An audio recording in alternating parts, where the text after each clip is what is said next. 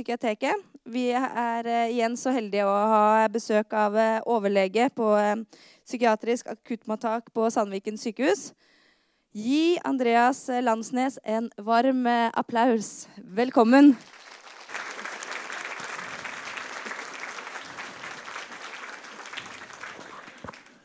Ja, når jeg kom her for en halv time siden, så sa de ja vel, skal du ha bilder? Har du bruk for datamaskin og sånt? Og hva skjedde da? Da ble det veldig tungt å puste. Og så kjente jeg at hvilepulsen gikk veldig opp. og tenkte hvordan skal dette her gå? Det er mange som tror at det er folk som holder sånne forelesninger som dette her, ikke er, har angst, ikke er nervøse. Det er bare tull. Det er helt nødvendig å være nervøs. Jeg har en gang holdt en forelesning sammen med en som ikke var nervøs. Og Han hadde ikke forberedt noen ting. Han tok det helt rolig, og alt var helt greit. Jeg var ganske nervøs. Jeg hadde forberedt og redda dette, her, men eh, det er nødvendig å være nervøs. Angst er nyttig.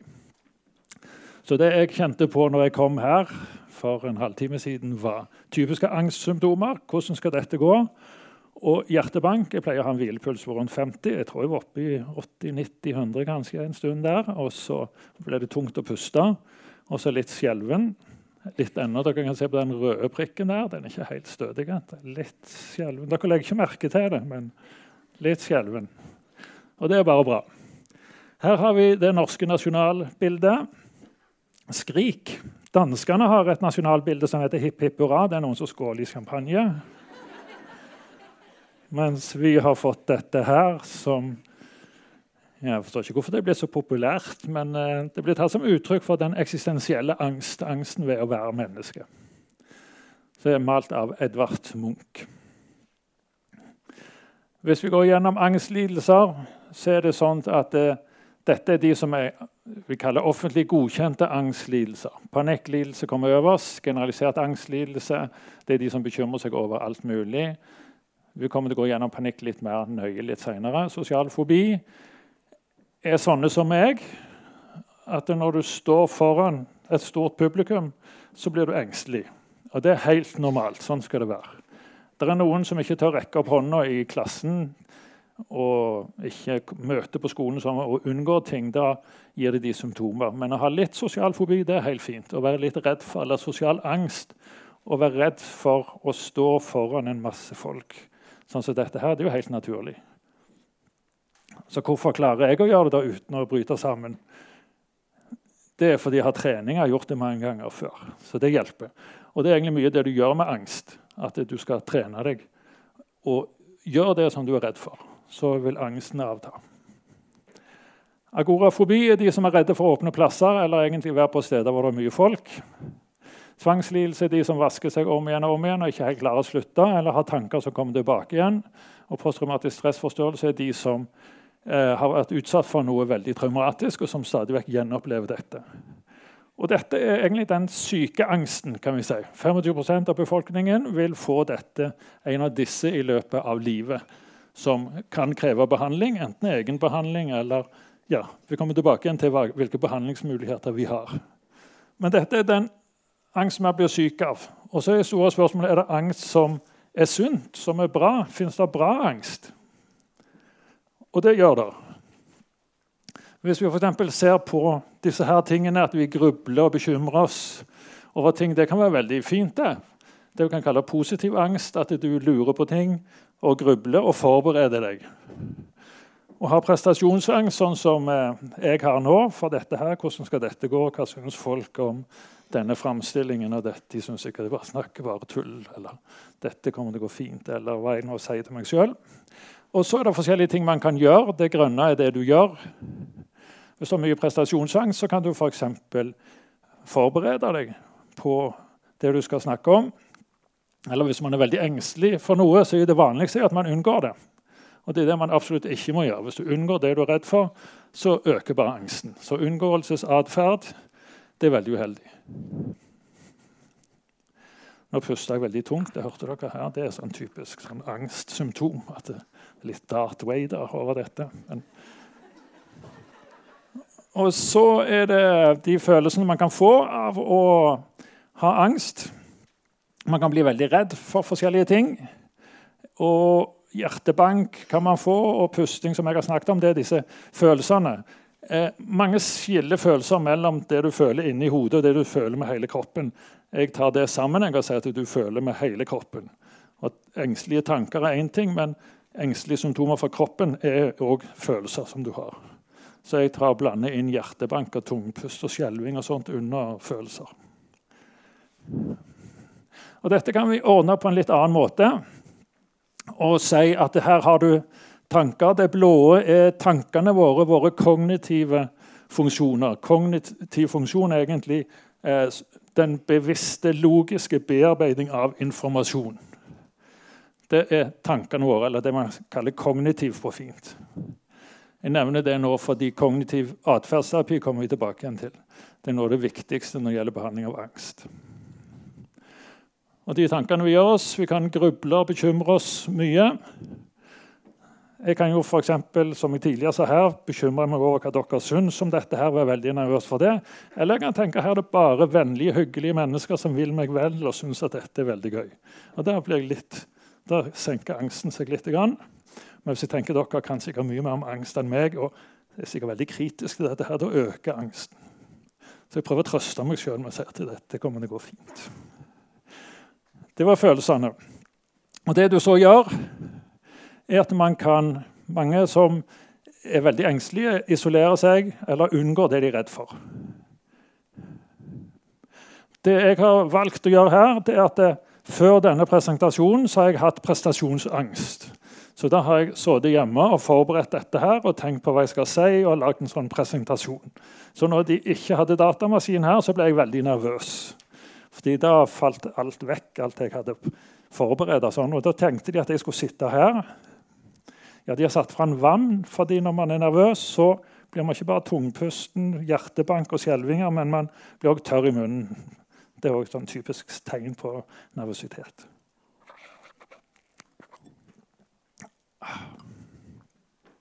Så det jeg har valgt å gjøre når jeg hadde min prestasjonsangst foran denne og alle andre presentasjoner, er at jeg forbereder meg. Jeg blir engstelig, og så forbereder jeg meg. og Da blir prestasjonsangsten noe mindre. Og så har vi en sånn god sirkel gående her. Nå er det jeg som er engstelig, men jeg skal holde dette innlegget i 45 minutter. Og så blir det deres tur til å være engstelige. Fordi da skal dere kunne rekke opp hånden og stille spørsmål. Og mange av dere kommer til å unngå å rekke opp hånden og stille spørsmål fordi dere er engstelige. Og det er helt i orden. Men sånt er det. Så de av dere som rekker opp hånden og stiller spørsmål, er modige, men det kommer til å være minst like mange som er redde for å stå fram i en sånn eh, stor forsamling, og det er helt naturlig. Det er ikke noe galt i det. Legemiddelindustrien vil jo gjerne selge mest mulig av sine preparater. Og de vil gjerne definere en sånn angst som en eh, sosial fobi og selge preparater som du kan ta. Og Det er spesielt sånn antidepressiva. Ikke hør på dem. Det er helt greit å være nervøs eller være engstelig. Og angst er en del av livet. Det jeg har tenkt å gjøre nå, videre presentasjon blir egentlig kronologisk. Jeg begynner fra så langt tilbake jeg kan gå når det gjelder angst, og så går jeg fram til i dag. Nå har jo vi vært her på kloden i 200 000 år. Og de første 150 000 år vet vi ikke så veldig mye om, egentlig. Ja, skal vi se. Når du skal holde et innlegg sånn som dette, her, så skal du først si hva du har tenkt å si, så skal du si det du skal si, og så skal du si hva du har sagt. Det er veldig grei, sånn tredelt disposisjon som er veldig grei å ha med seg. Så den kan dere huske at det sånt er det. Konklusjonen her er, som jeg har vist nå med disse eksemplene med meg og med dere, er at det, det er aktive handlinger som teller, og ikke passiv behandling. Aktive handlinger som vi må gjøre for å overvinne angsten, er hovedregelen. Ikke alltid det er sånn, men det er hovedregelen. Noen ganger kan angsten være så voldsom og lammende at man må til med medikamenter og annen behandling, men hovedregelen er at man skal gjøre noe aktivt selv. Ja, så er vi på historien. Dette er hulemaleri i Syd-Frankrike fra 36 000 år siden. Der har de malt en masse løver. Var ikke løver i Sør-Frankrike, er det det? For 36 000 år siden så var det det. Da var det løver der. Og hvorfor i alle dager har de malt disse løvene? Gikk de på løvejakt? Ja, de gjorde ikke det. Det var løvene som gikk på menneskejakt. De hadde ikke så mye gevær og sånt den gangen. Så det var omvendt. Så det er nok sannsynligvis et uttrykk for frykt at de var veldig redde løvene. Og Det er de god grunn til, fordi de var mye større enn de løvene vi har i dag. Men ellers så vet vi forbausende lite om hvorledes folk har, har oppført seg før. Det er mye spekulasjoner, og det kommer vi tilbake igjen til når vi kommer til, til Darwin. Her har vi noe som er skrevet for 6000 år siden. En gang var det ingen slange, ingen skorpion, det fantes heller ingen hygiene eller løver, ingen ville hunder eller ulv, men ingen, ingen frykt eller skrekk. Menneskene hadde ingen rivaler. Dette er vel en som har vært litt redd for alle disse tingene her. Som var farlige og syntes det var fint. Drømte om en tid når det ikke var noe å være redd for.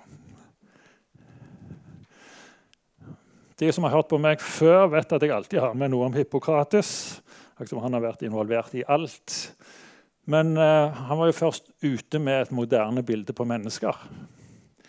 Ikke så moderne i dag, men den gangen var det moderne. Han beskrev hysteri.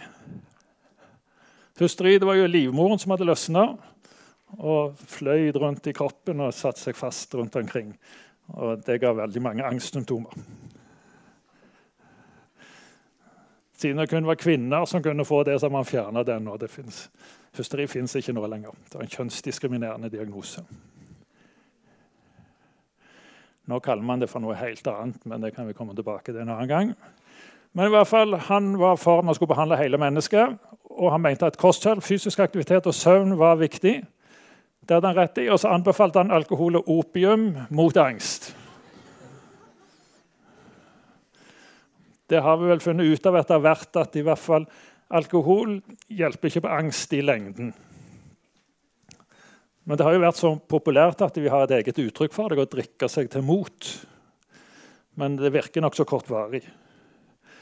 Opium syns vi heller ikke er noe god idé lenger til angstbehandling. Aristoteles han ja, gammel gresk filosof som beskrev forskjellen mellom angst og frykt.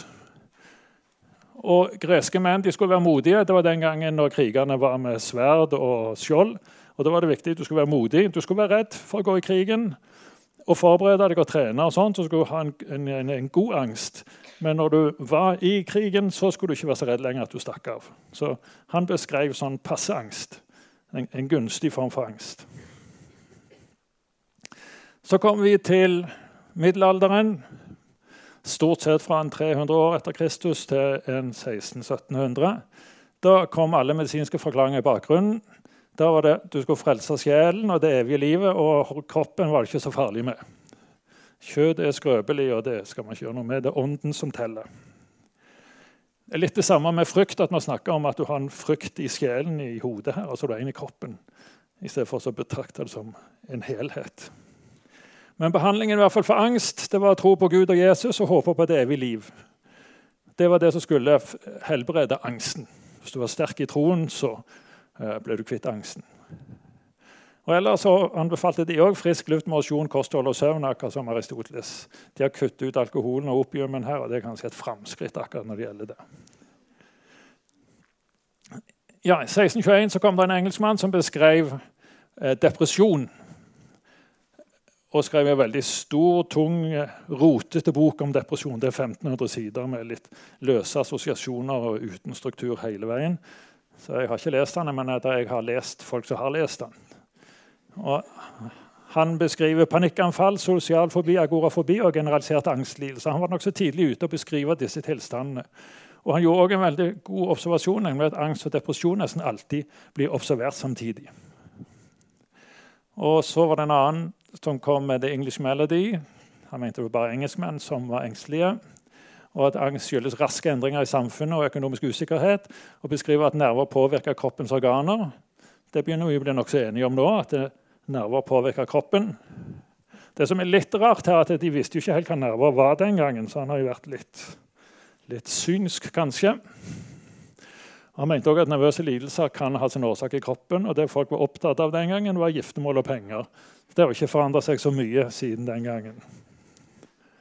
Så har vi Søren Kirkegård, som er vel opphavet til det man kaller eksistensiell angst. At det er vanlig å ha angst. Alle, bør, alle tenkende mennesker bør ha angst. Hvis ikke du er litt engstelig, så har du ikke tenkt deg om. Her er vi på en liten blå kule som svever rundt i et uendelig univers. Det er nokså skremmende. Kanskje er vi alene, eller så er vi ikke alene i dette universet. Jeg vet ikke hva som er mest skremmende.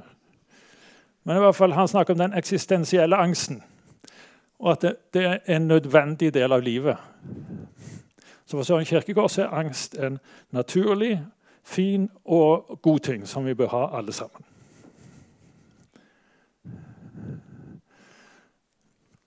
Så er vi over på Charles Darwin. Hvorfor han holder den her, det er litt inspirert ut fra at eh, dronning Victoria Jeg vet ikke om dette er sant, men eh, dronning Victoria som når hun hørte om Charles Darwin, som mente at menneskene stamte fra apene, så sa hun at hvis det er riktig, så får jeg ikke håpe at det blir allment kjent.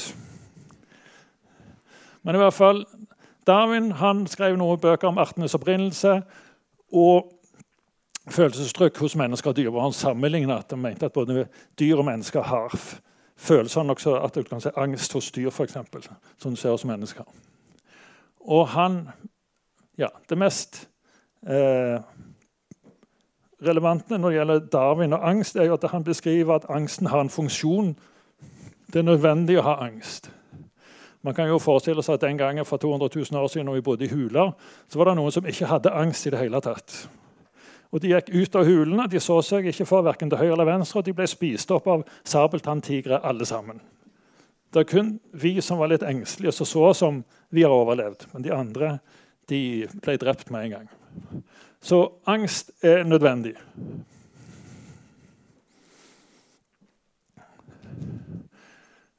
Han sa òg at det er ikke den sterkeste arten som overlever, heller ikke den mest intelligente, men de som er best til å tilpasse seg eh, endre omgivelser. Så dette er egentlig det miljøet vi kom Sånn så vi kanskje ut for 200 000 år siden når vi kom i Afrika.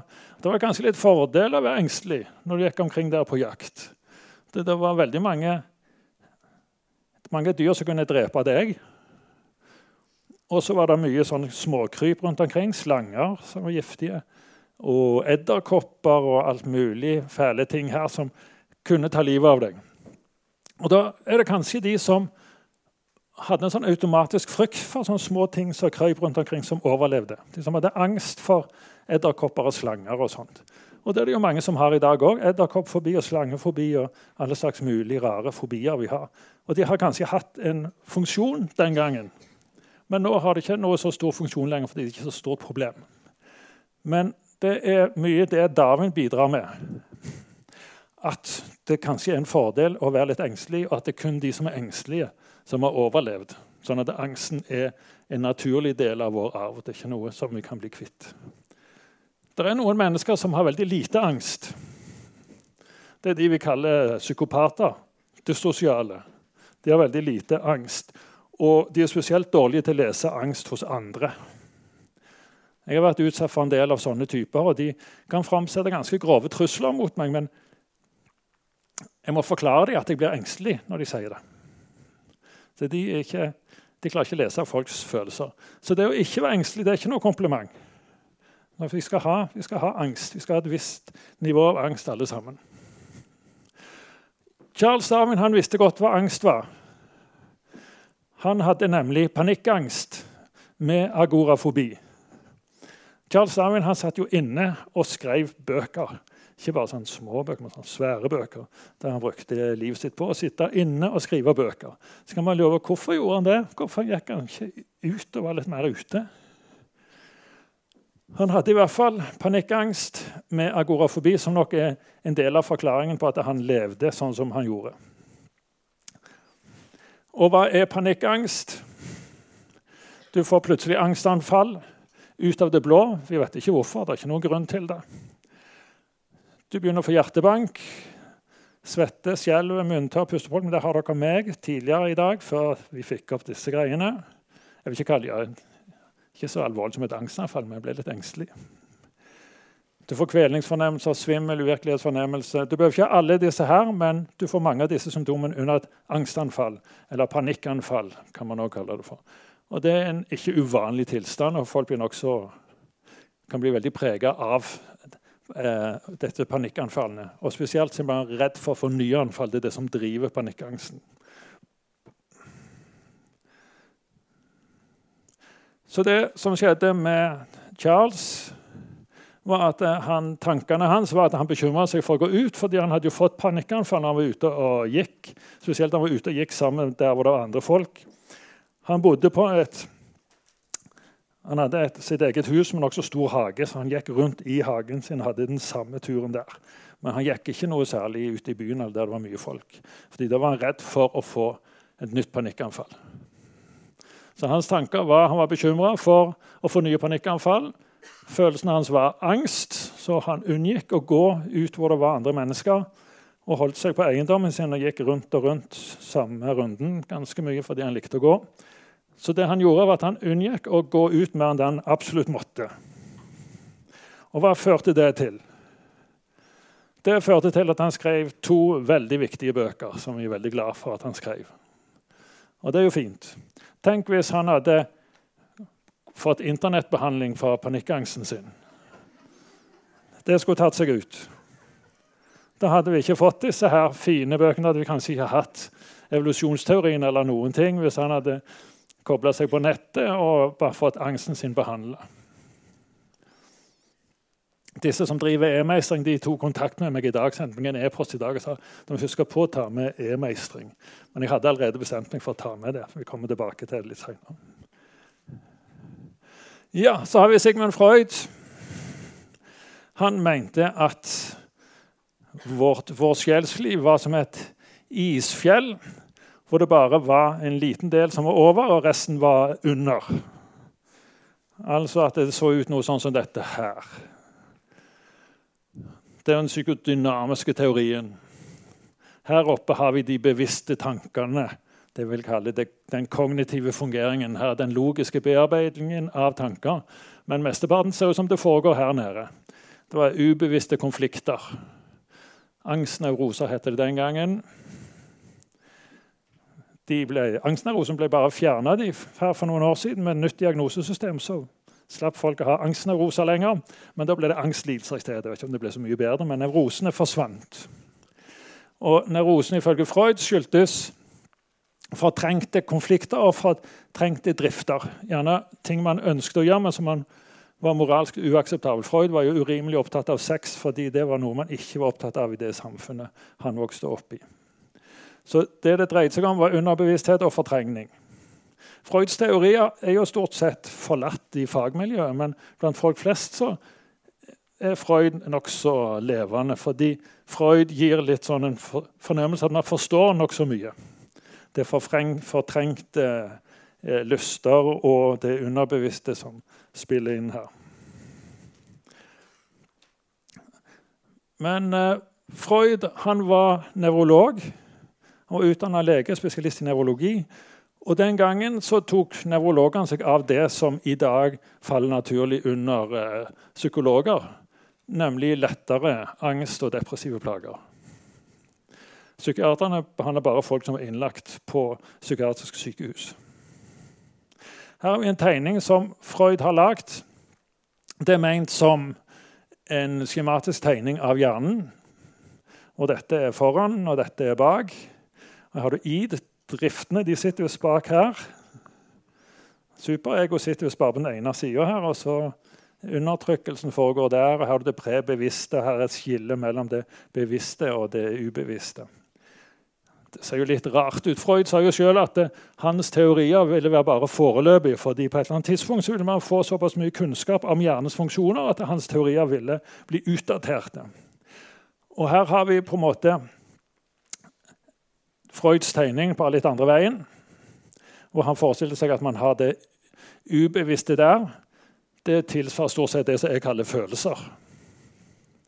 Det er litt ubevisst, og det passer med fargen noe rødt. Og de sentrale delene av hjernen som har følelser. Det undertrykte er her i frontallappen, her hvor vi har vårt superego. Og det som undertrykker. Det er egentlig her de logiske tankene befinner seg. Det passer fint med blått. Og egentlig Freuds teori akkurat på det stemmer veldig godt med det man mener i dag.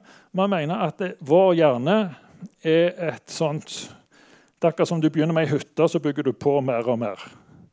Vi begynner egentlig med denne her røde, som er hva vi kan kalle det for slangehjernen. Eller krypdyrhjernen, som de sier der. Hvis du ser på en slange, så er det ikke så mye følelser der. Det er ikke så mye kommunikasjon. Det er mest automatisk. alt Det som foregår. Det er det som foregår i denne delen av hjernen. Alt autopiloten er der. Det som foregår på automatikken. Det limbiske systemet, det med følelser, det har vi her. I den sentrale delen av hjernen. Det har kommet litt seinere. Også i den menneskelige hjernen og høyere primater, eh, apekatter sånn noe, det har ganske mye Eh, grå hjernemasse, som er det vi bruker til rasjonelle tenkninger. Rasjonelle, bevisste tanker. Så her har vi egentlig det Freud kalte for id, og her har vi det han kaller for superego. og dette her er et sted imellom. Så han hadde ikke helt feil. Ingen tar helt feil. Her har dere min favoritt-Freud. Det er Viggo Mortensen som spiller Freud i denne filmen her, som heter 'En farlig metode'. Og Der har Freud og der har du Jung, spilt av Fassbender, som vel var snømann her i Bergen for ikke så lenge siden. Og der har du en stakkars pasient som det ikke går så bra med. Ja, der har vi et bilde som Edvard Munch malte. Og han hadde en tekst bak på bildet. 'Fortvilelse' heter bildet. Eller 'Stemning ved solnedgang'. Jeg gikk bortover veien med to venner, og så gikk solen ned. Himmelen ble plutselig blodig rød. Jeg stanset, lenet meg til gjerdet, trett til døden. Over den blåsorte fjord og by lå blod av ildtunger. Mine venner gikk videre, og jeg sto igjen skjelvende av angest. Og jeg følte det store, uendelige skrik gjennom naturen. Og det er fra 1890-tallet. Edvard Munch han drev jo på og malte de samme bildene om igjen og om igjen. Dette her ligner jo veldig på et annet bilde. Og Se, det er jo mye de samme motivene bak. Og dette her skrikbildet har han òg malt mange mange versjoner av. Både sort-hvitt og forskjellige. Så det tar vi et uttrykk for en mer sånn generell angst. Om uh, han hadde panikkanfall eller ei, det er jo litt uvisst. Dette bildet her syns jeg ser veldig ut som eh, litt agorafobi. Det er en aften på Karl Johan. Det ser ut som alle disse her kikker veldig kritisk på deg. Folk som har agorafobi, de, når de går på bussen, så ser alle på dem. Når jeg går på bussen, så er det ingen som ser på meg. Men de som har agorafobi, de har veldig mange sånne ubehagelige øyne som ser på dem. Det er derfor de ikke liker å ta bussen. Og Her ser det òg ut som de ikke ser så vennlige eller friske ut. egentlig. Så Dette tror jeg er et uttrykk for en agorafobi. Ja. Og så har vi kommet til 1900-tallet, som vi kaller angstens århundre, med atom, atombomber, verdenskriger, kalde krigen og raske samfunnsendringer. Og når vi har kommet til 2000-tallet, så har ikke det blitt så mye bedre. Det er en litt sånn fortsettelse av det samme. Det er veldig mye snakk om terrorisme og alt sånt. Men egentlig så har vi jo egentlig aldri hatt det bedre enn det vi har det nå. Aldri før i historien har det vært et land med så mye velstand og rikdom som Norge. Og vi har veldig lang levealder, lav spedbarnsdødelighet. og Alt er jo helt fantastisk fint. Men aldri har vi hatt det så bra, og aldri har det vært registrert så mye angstlidelser. Det kan jo være det fordi vi har bedre tid til å registrere angstlidelser, men det er et eller annet som ikke helt stemmer her. Hvis vi ser her på mord per 100 000 per år, så vil jeg be dere om å legge merke til at dette er en logaritmisk skala. Her går vi altså fra en nesten 100 mord per 100 000 per år på 1300-tallet og ned til ett mord per 100 000 på 2000-tallet. Altså en reduksjon på 99% altså Det bare det var 100 ganger mer mord der enn her, omtrent. Så det har vært en helt fantastisk nedgang i antall mord. Men eh, hvis en eller annen skyter noen borte i USA, så får vi jo det på forsiden av avisene. Det gjorde vi ikke før. Så vi får jo inntrykk av at det er mye mer mord og elende nå. Men sannheten er jo en helt annen. Vi har en 100 ganger nedgang her. Hvis du tar mord i USA Dette per, antall mord per 100 000 per år. Hvis du går tilbake til 1700-tallet, så var det ganske høyt. Så har det gått bare ned og ned.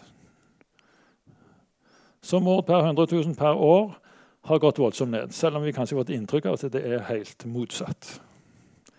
Og Det er noe med hvorledes media framstiller ting og gjør oss veldig redde, sånn at vi overdriver egentlig faren. Vi tror det er mye farligere i dag enn det det egentlig er. Midler mot angst, som vi har vært inne på. Opium, alkohol, brom og barbiturater brukte man før.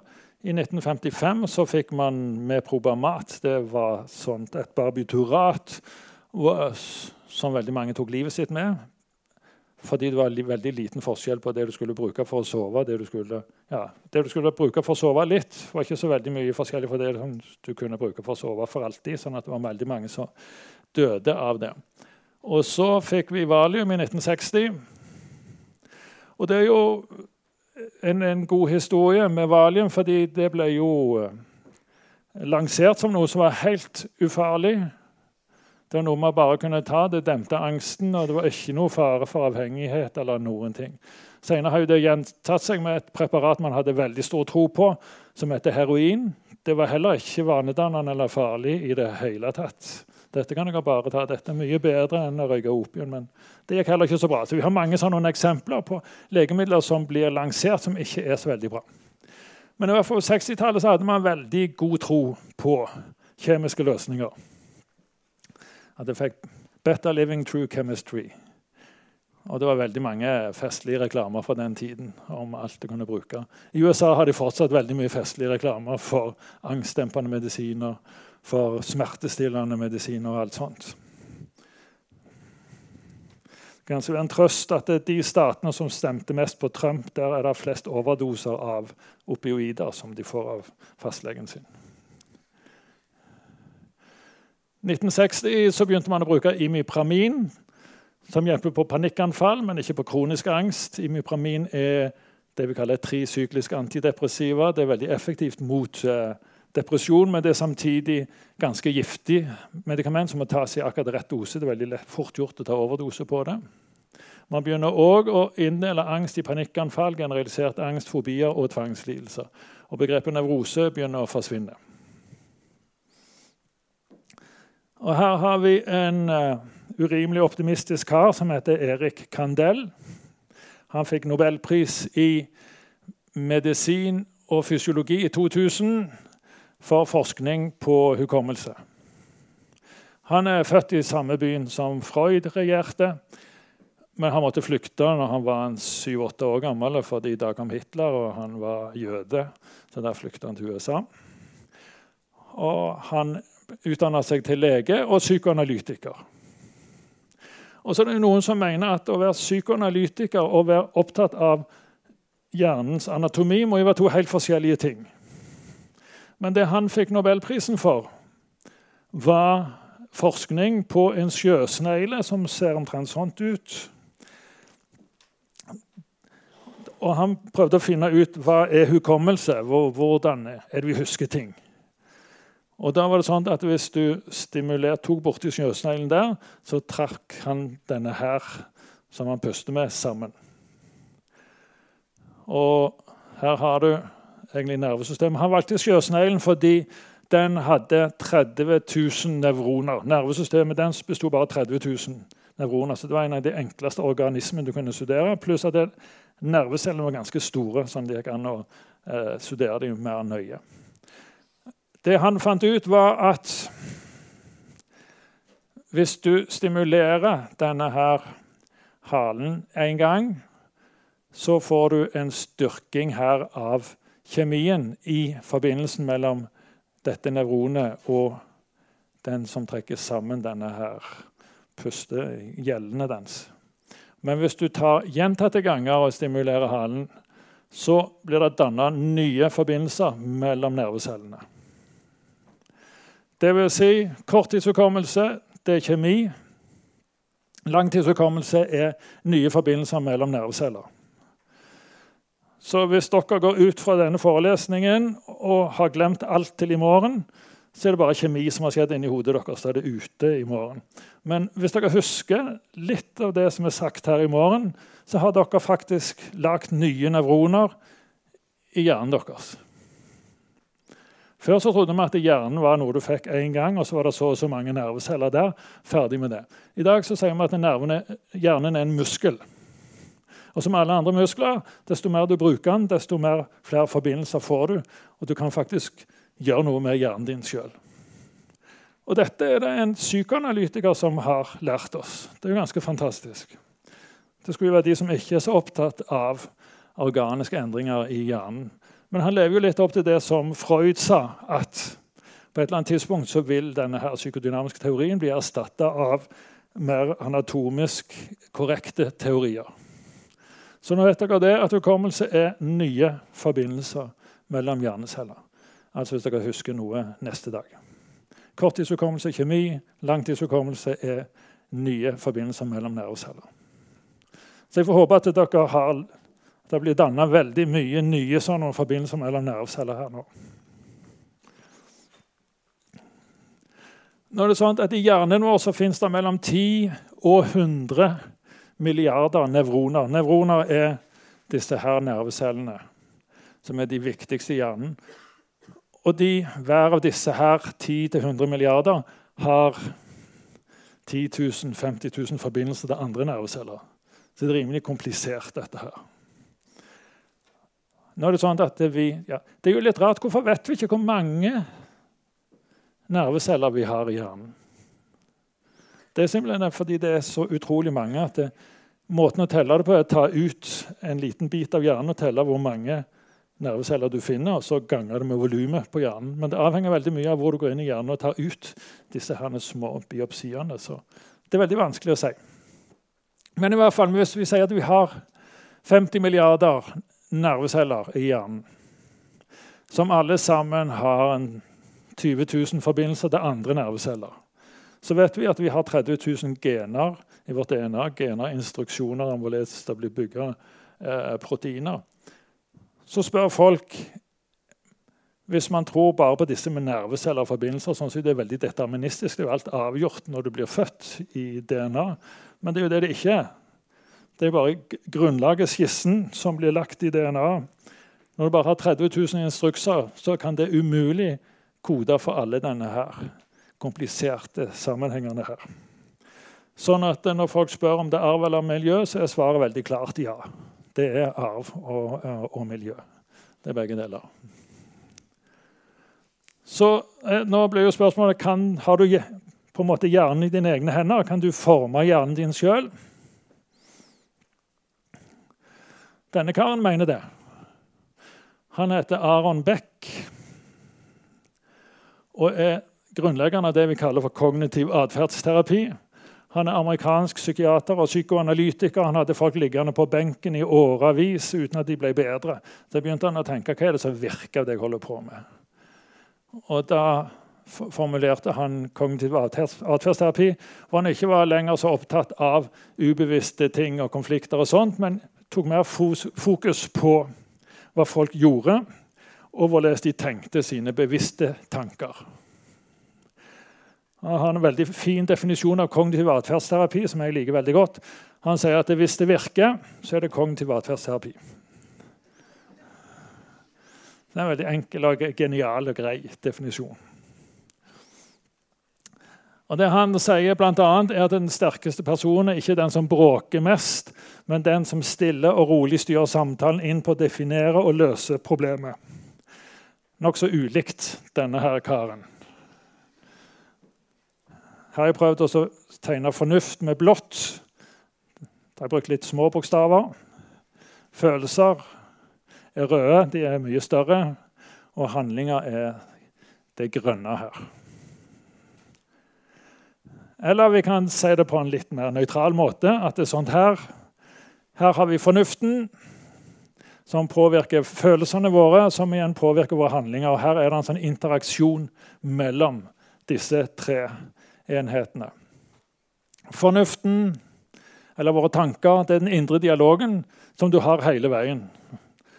Eh, vi driver på å snakke med oss sjøl hele veien, selv om vi ikke legger merke til det.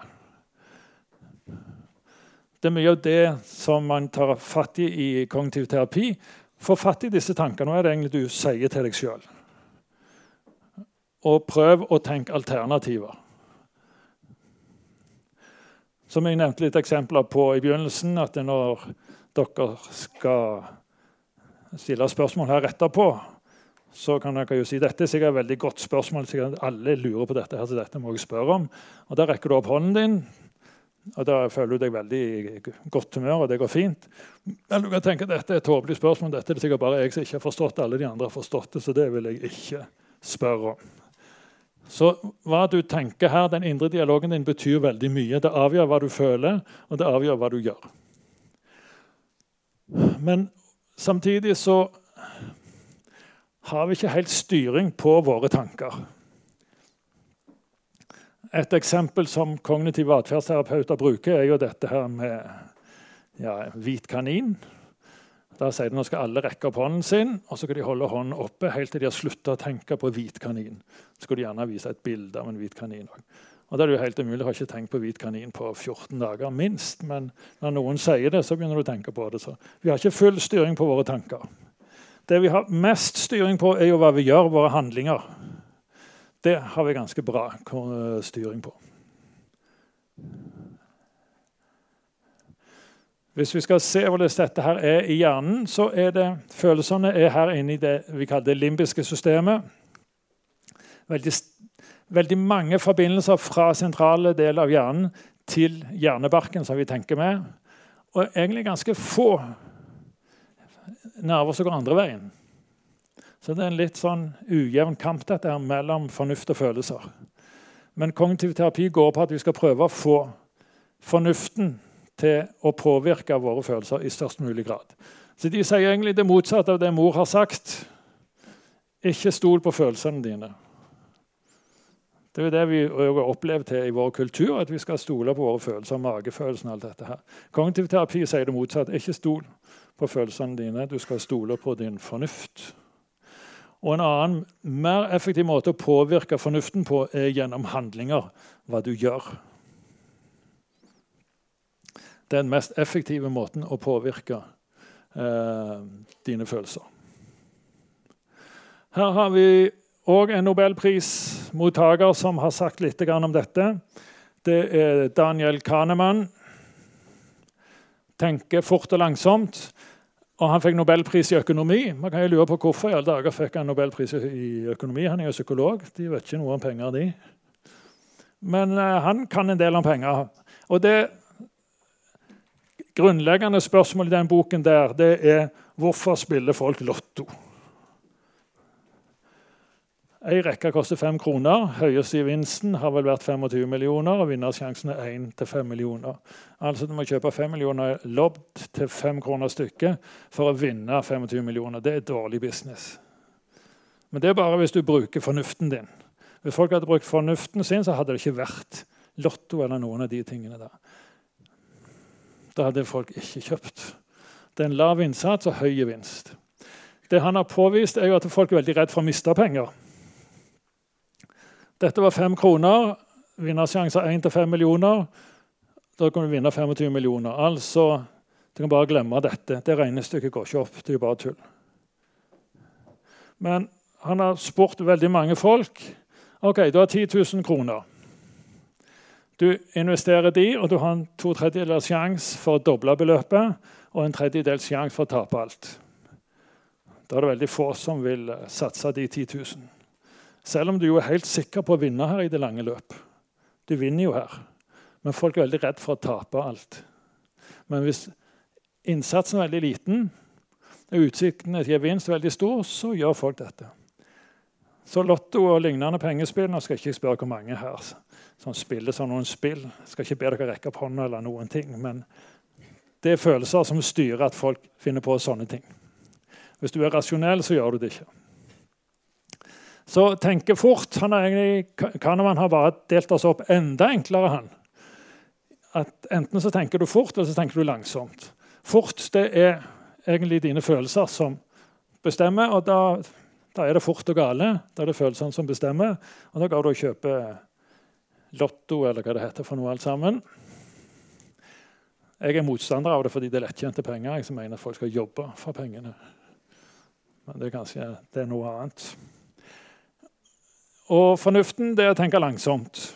Da regner du ut. 5 millioner ganger 5 det er 25 millioner. Dette lønner seg ikke.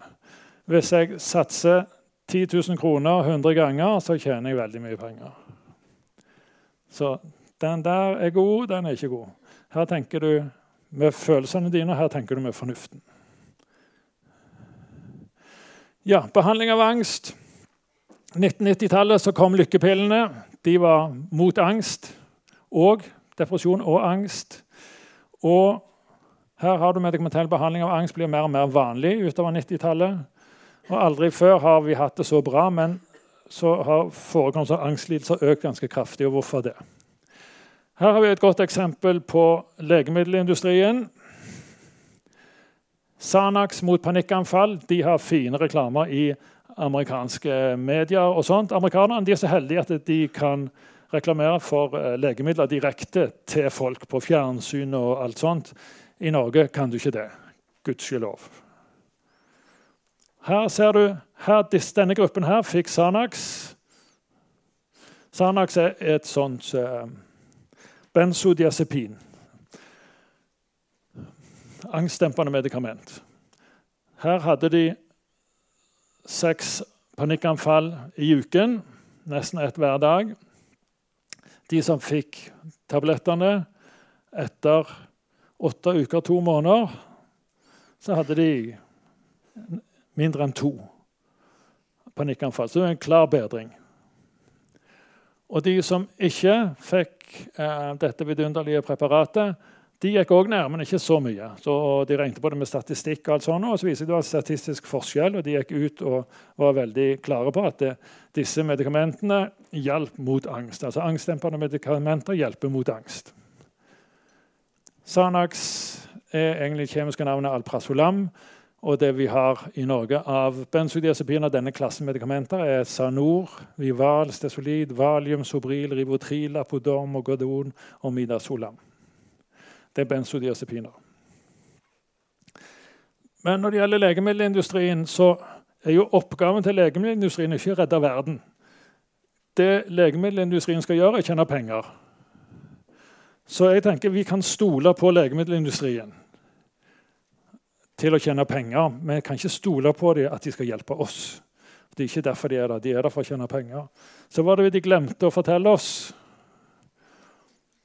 De holdt litt av forskningen hemmelig, men så ble de nødt til å publisere alt de hadde.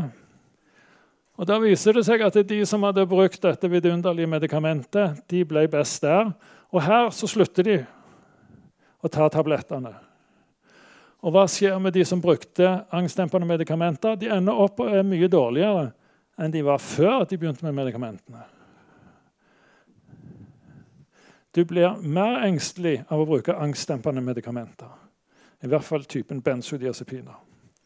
Og de som ikke fikk noen ting, de som fikk sukkertabletter og trodde de fikk noe som virkte, når de slutta å ta tablettene, så ble de bedre, og de ble bedre, og de ble bedre.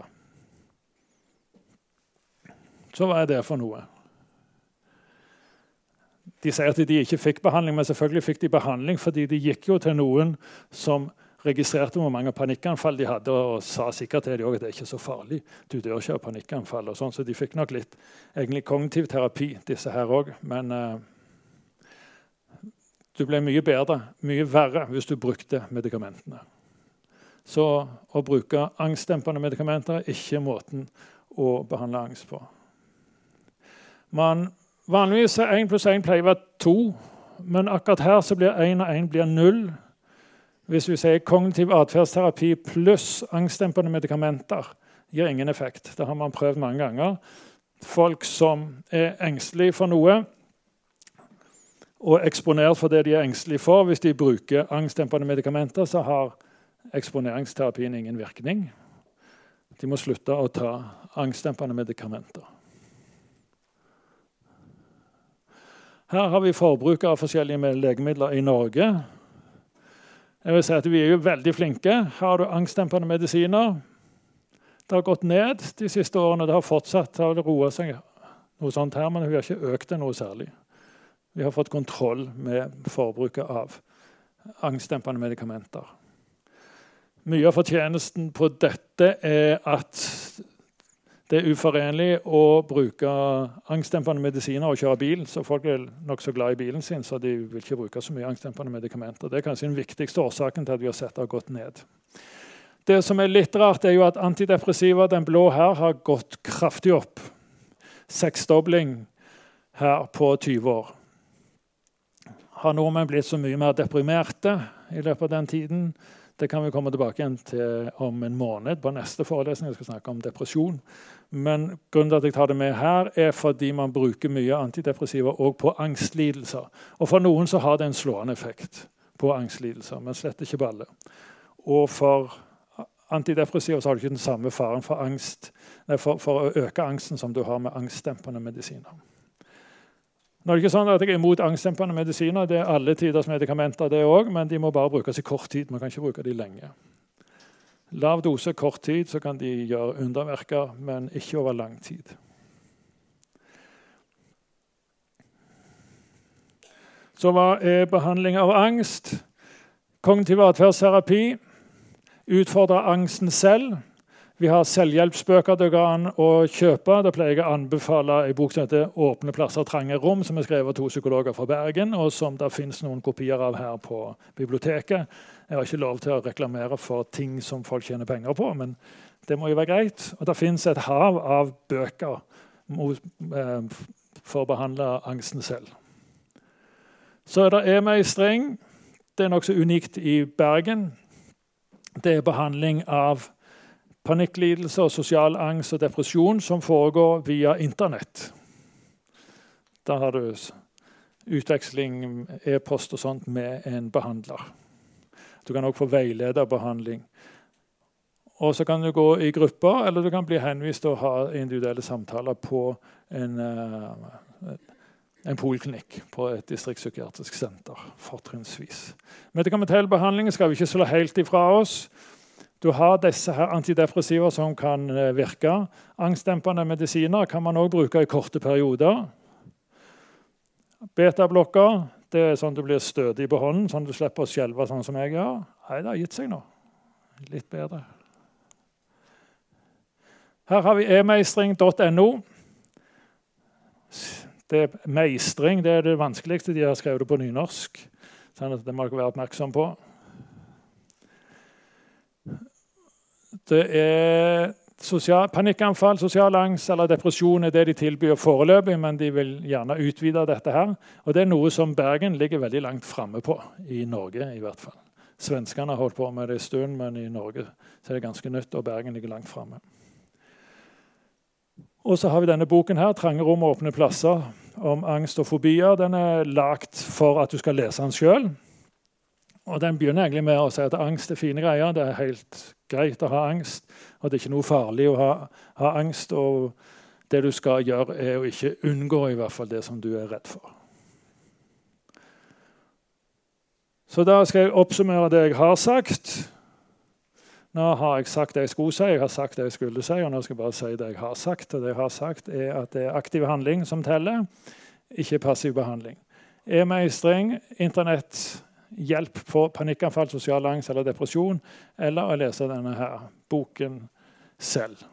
Låne den på biblioteket, er det jeg skal si. Men ellers så koster den 110-120 kroner. eller noe sånt. Så det er ikke så dyr. Ja, da var vi ferdige for denne gang. Takk for oppmerksomheten.